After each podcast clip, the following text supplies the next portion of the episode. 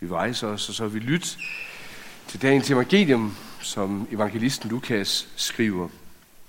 På den tid kom nogle og fortalte Jesus om de galilæer, hvis blod Pilatus havde blandet med blod fra deres offerdyr, og han sagde til dem, Mener I, at de var større sønder end alle andre galilæer, siden det gik dem sådan? Nej, siger jeg. Men hvis I ikke omvender jer, skal I alle øh, men hvis I ikke omvender jer, skal I alle omkomme ligesom de. Eller de 18, som tårne i Sido er styrtet ned over og dræbte, mener I, at de var mere skyldige end alle andre i Jerusalem? Nej, siger jeg. Men hvis I ikke omvender jer, skal I alle omkomme ligesom de. Så fortalte han denne lignelse. En mand havde et fint træ, som var plantet i hans vingård, og han kom og ledte efter frugter på det, men fandt ingen. Han sagde da til gartneren, i tre år er jeg nu kommet og har let efter frugt på dette fine træ, uden at finde nogen. Hug det om. Hvorfor skal det stå og tage plads op til ingen nytte? Men han svarede, Herre, lad det stå et år til, så skal jeg få gravet omkring det og give det gødning. Måske bærer det så frugt næste år. Hvis ikke, kan du hugge det om. Amen.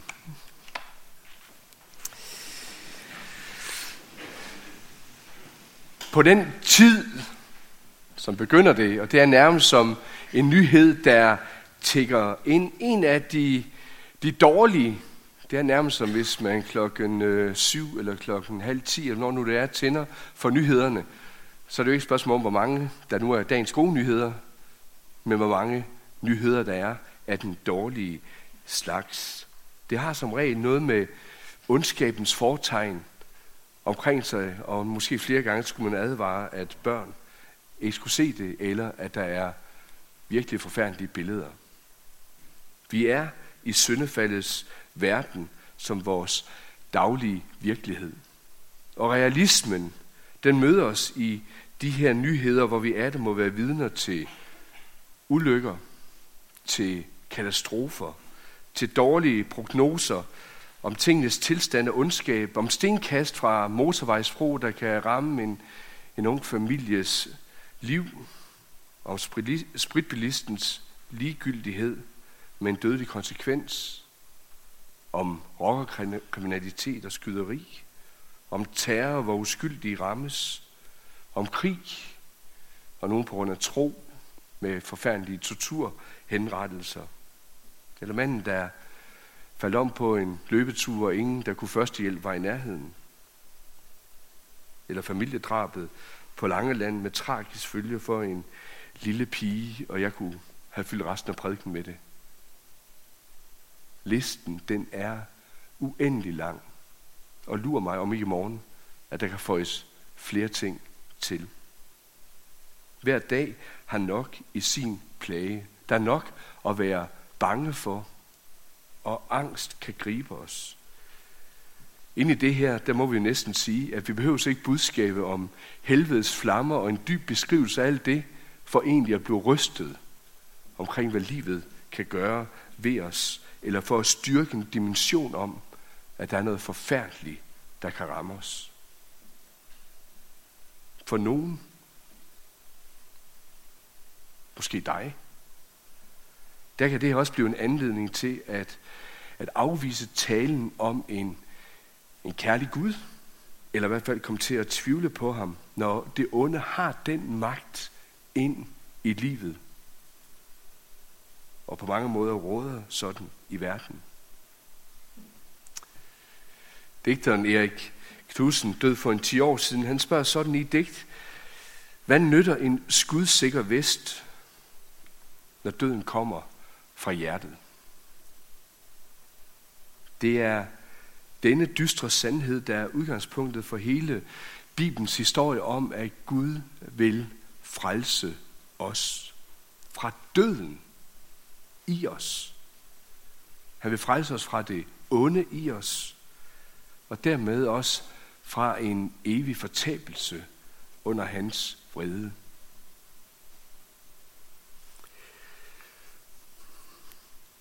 Og jeg har sagt, uanset næsten hvordan man får sagt det budskab i dag, så har jeg nogle gange selv oplevelsen af, og også erfaring af at møde det, at det i virkeligheden ikke skræmmer ret mange. For det er jo bare en, en fortælling, om det egentlig er sådan, eller det er måske sådan, du ser på livet, men sådan er virkeligheden i hvert fald min virkelighed ikke. Det går nok, kan man trøste sig med. Eller man kan holde fast i en, en skrøbelig tro på, at, at skæbnen, den måske rammer noget, eller nogen, som på en eller anden måde har fortjent det, men 7-9-13, jeg forsøger at gå forbi, og forhåbentlig er det ikke mig, det rammer, indtil det, det så lige pludselig sker. Trygheden, den eroderer, og kontrollen omkring ens eget liv smuldrer, så man hellere vil kæmpe for en, en lovgivning, der kan give ret og mulighed til at tage sit eget liv. At samfundet skal sikre en aktiv dødshjælp, så jeg skånes for at miste værdighed i mødet med livet. Nu har det jo været et godt liv indtil dag, og jeg har styret det. Hvorfor må jeg så ikke styre min død, som man næsten her for nylig kunne læse, at Troels Kløvedal gerne ville det. Livet før døden. Når det ikke lykkes godt nok,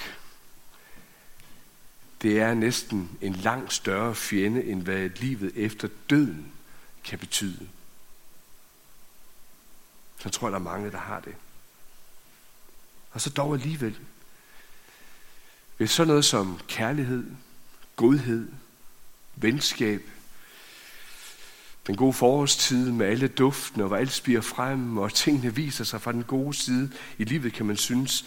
Og det næsten bliver en duft af himmeri, en anelse af, at der nok er et paradis, noget vi var i, noget vi har tabt. Ja, hvad er så ulykker, onde gerninger, syndig egoisme, en anelse af? Ja, rigtigt. Helvede, det er ikke forsvundet, fordi at vi er holdt op med at, at tale om det. Døden kommer i den forstand ikke udefra, men den kommer indefra, fra hjertet. Helvede er ikke fremmed. Vi kender det egentlig på mange måder, i hvert fald stanken fra dagligdagens ondskab.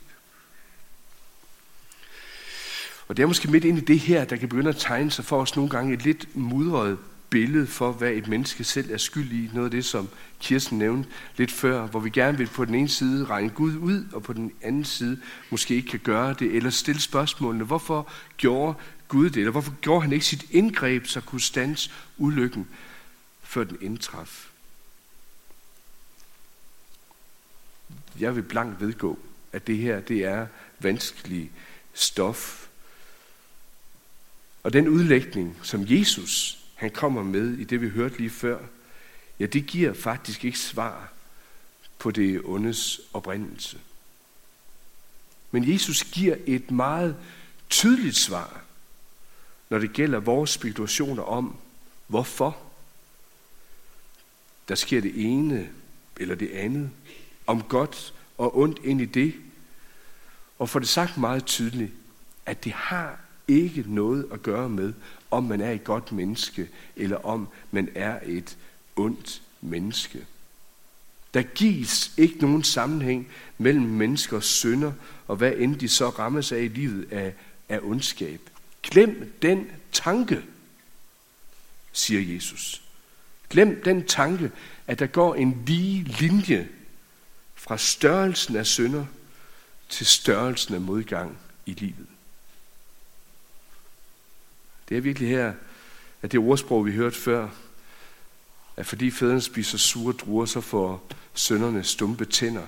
Det vil være lige så meget, som hvis jeg sagde, at fordi Trine spiser meget slik, så vil Nana få mange huller i sit liv i tænderne. Det, det hænger ikke sammen.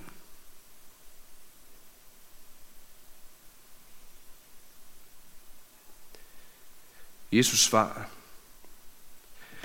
så kan jeg egentlig godt tænke det. Det er faktisk ikke vores ønskesvar.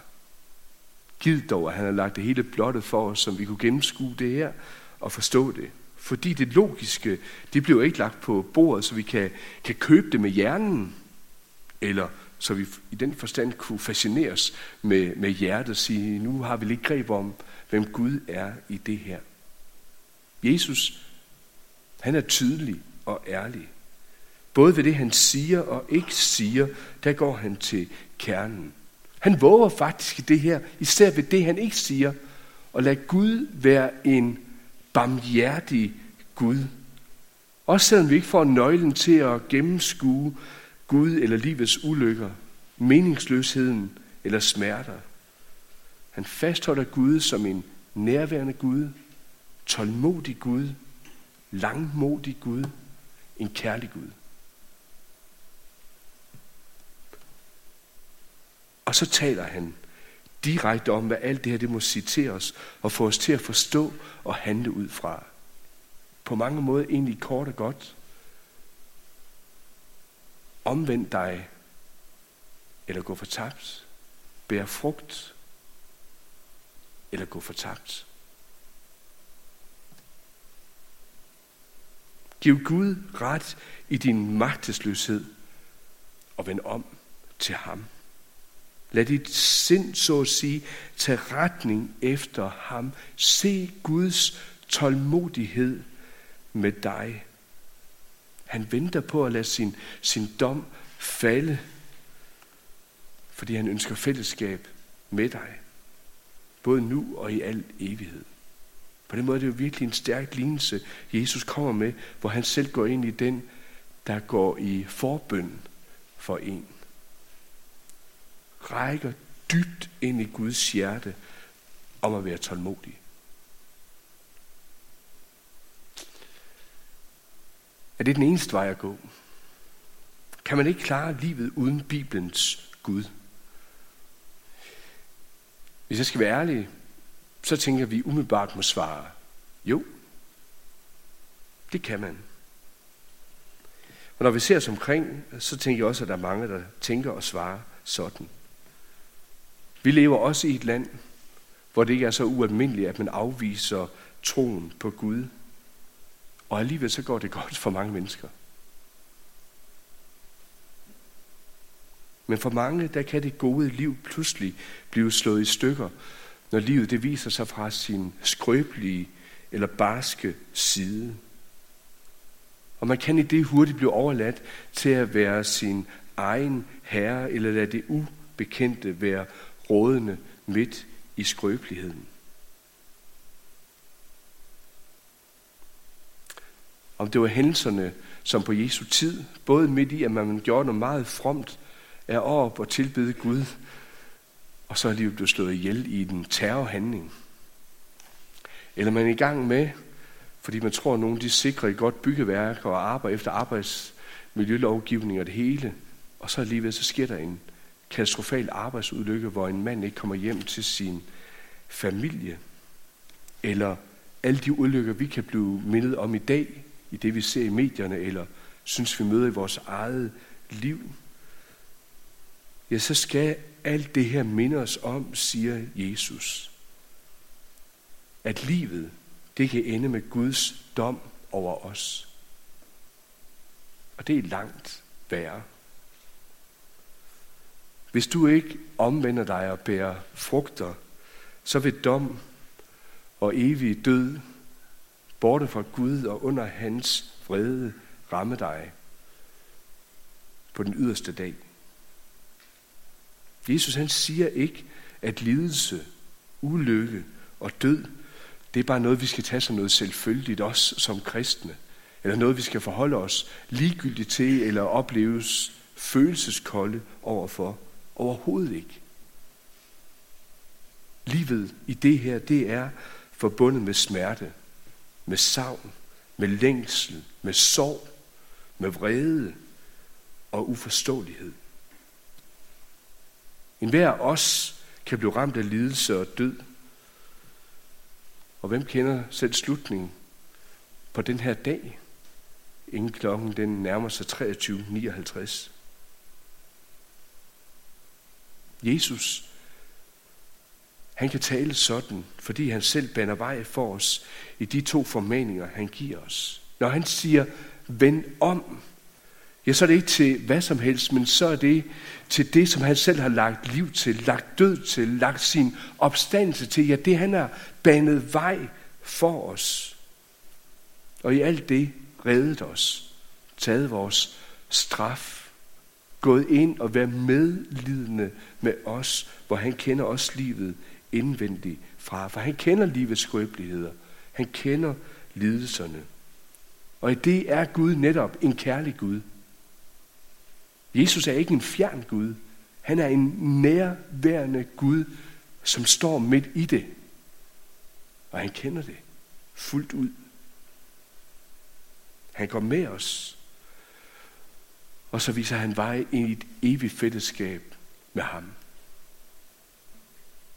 Derfor er det ikke bare nogle flotte tomme ord, når han siger, vend om til mig. Eller når han rækker sin anden formaning, bær frugt. Vi skal ikke bare tage os sammen for at stå det svære og uforståelige igennem. Vi kan gøre meget godt, vi kan aflindre eller afhjælpe meget nød her i verden, og det skal vi sandelig gøre. Vi har et ansvar og et medansvar ind i livet, også selvom det er både skrøbeligt og syndigt og meget ondskab rammer os. Vi har et ansvar.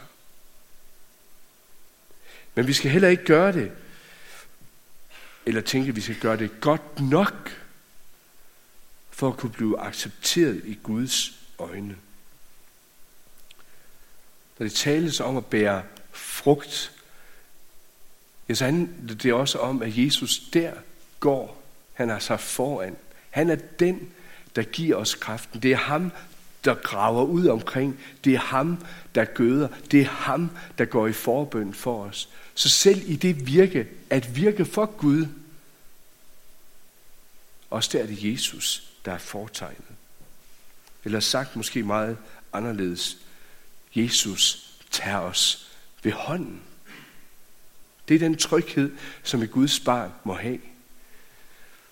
Når Nana er derhjemme, på de knap to og et halvt, så sent som i går aftes, ligger der i seng, når jeg har sagt til godnat til hende, efter vi har bedt fader vor, så ligger der med sine små søde øjne, som hun nu kan, fordi hun har en mors, og siger, Jesus passer på mig. Så har hun fanget meget af det her, meget rigtigt. Hun har vendt sig om, fordi hun tilhører ham ved sin dåb. Hun er et Guds barn midt i alt det, som hun ud fra hendes alder, og som hun vokser og kan finde ud af noget, og se noget, forstå noget, eller måske faktisk ikke altid kan følge med i det, faktisk ikke altid kan forstå det, ligesom man heller ikke nødvendigvis gør det som et voksen menneske. Men Jesus passer på mig. Jesus han holder mig i hånden og går med mig. Jeg er aldrig alene. Jeg er tryg midt i det usikre. Bor i Guds borg, og, dog, og, dog, og det mærkes så lidt. Fordi erfaringen, sukkene, smerterne kan sige noget andet.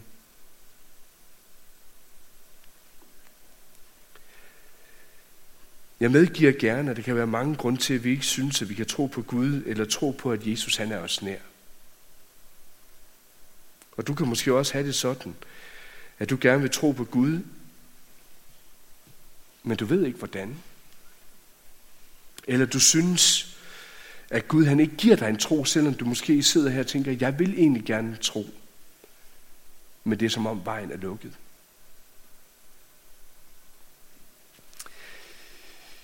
I læsningen fra det nye testamente, som Anders han læste for os før,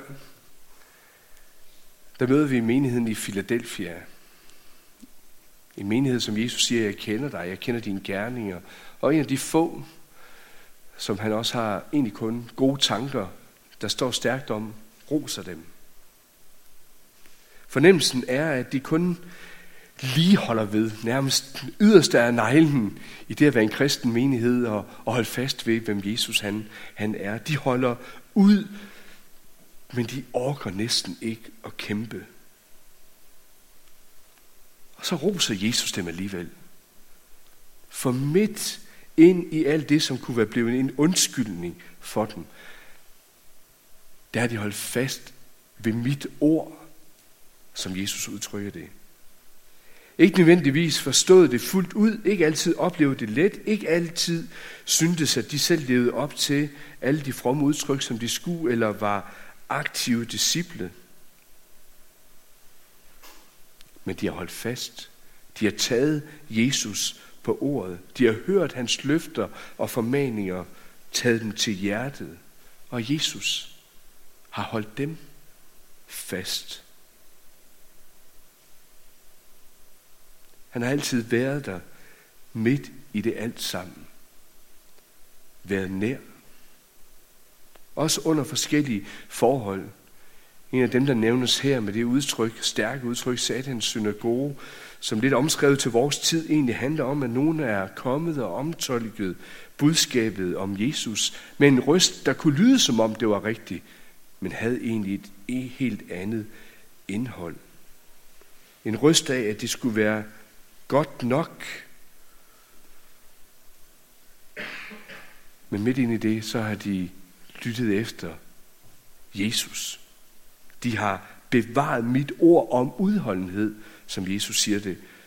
Og så træder han netop her frem som den her gartner fra sin lille line som træet. Han blev ved med at gøde, vande, sørge for dem, gå i forbøn for dem, så de bliver bevaret. De har nærmest i panden fået stemplet et navn ind på den by, de tilhører, at de er en del af livet på den nye jord. Hold fast ved mit ord, siger Jesus. Jeg elsker dig. Jeg vil holde fast ved dig og bevare dig midt i det alt sammen. Min nåde, det er at bevare dig, for jeg har taget dommen og den evige straf og død på mig du er min.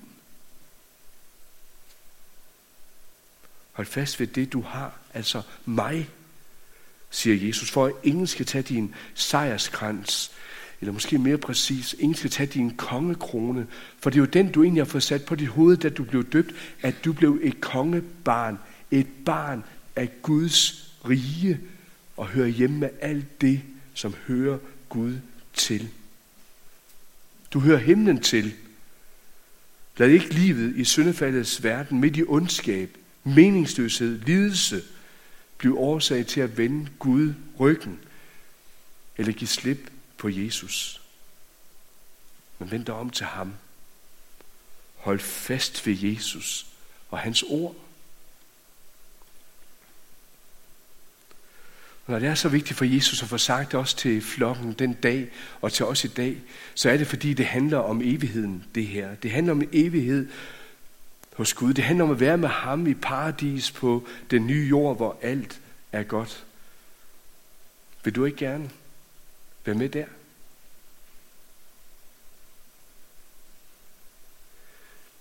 Jeg tror det bedste jeg kunne gøre som præst, vi kunne gøre som præster her i kirken, det var at male himlen så tydeligt op for øjnene af os hver eneste dag. Først og fremmest for os selv, så vi var drevet af, det vil jeg aldrig nogensinde miste. Brænde af længsel efter at være der.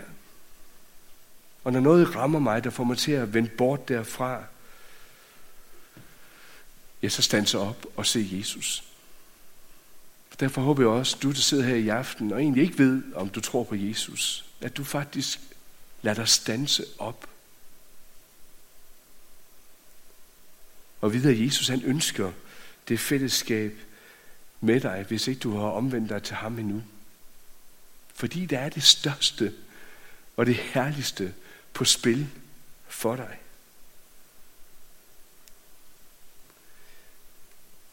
Ham, der kan tale mest levende om himlen, det er ham, der kommer derfra. Det er ham, der er gået her på jorden. Det er ham, der også er vendt tilbage til den igen. Og i sit ord kommer til os og siger, det er der stadig. I dag er nådens tid, og du er hjertelig velkommen ind i at være der. Omvendt jer, grib det evige liv, for I ikke skal ende som disse for ulykket, siger Jesus. Vend om til mig for at finde trøst og hvile og fred.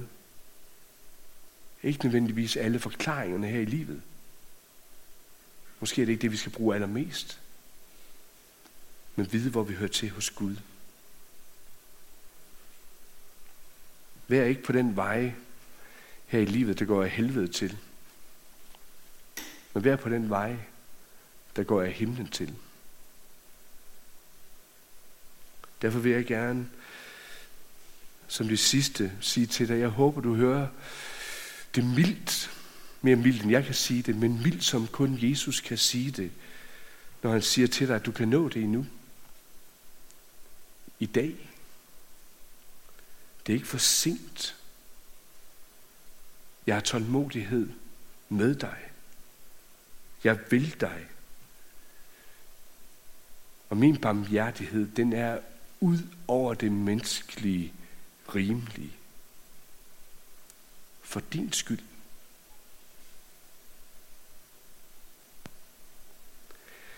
Ære være faderen, som har skabt os. Ære være sønnen, som har frelst os. Ære være helligånden, som gør dette levende for os.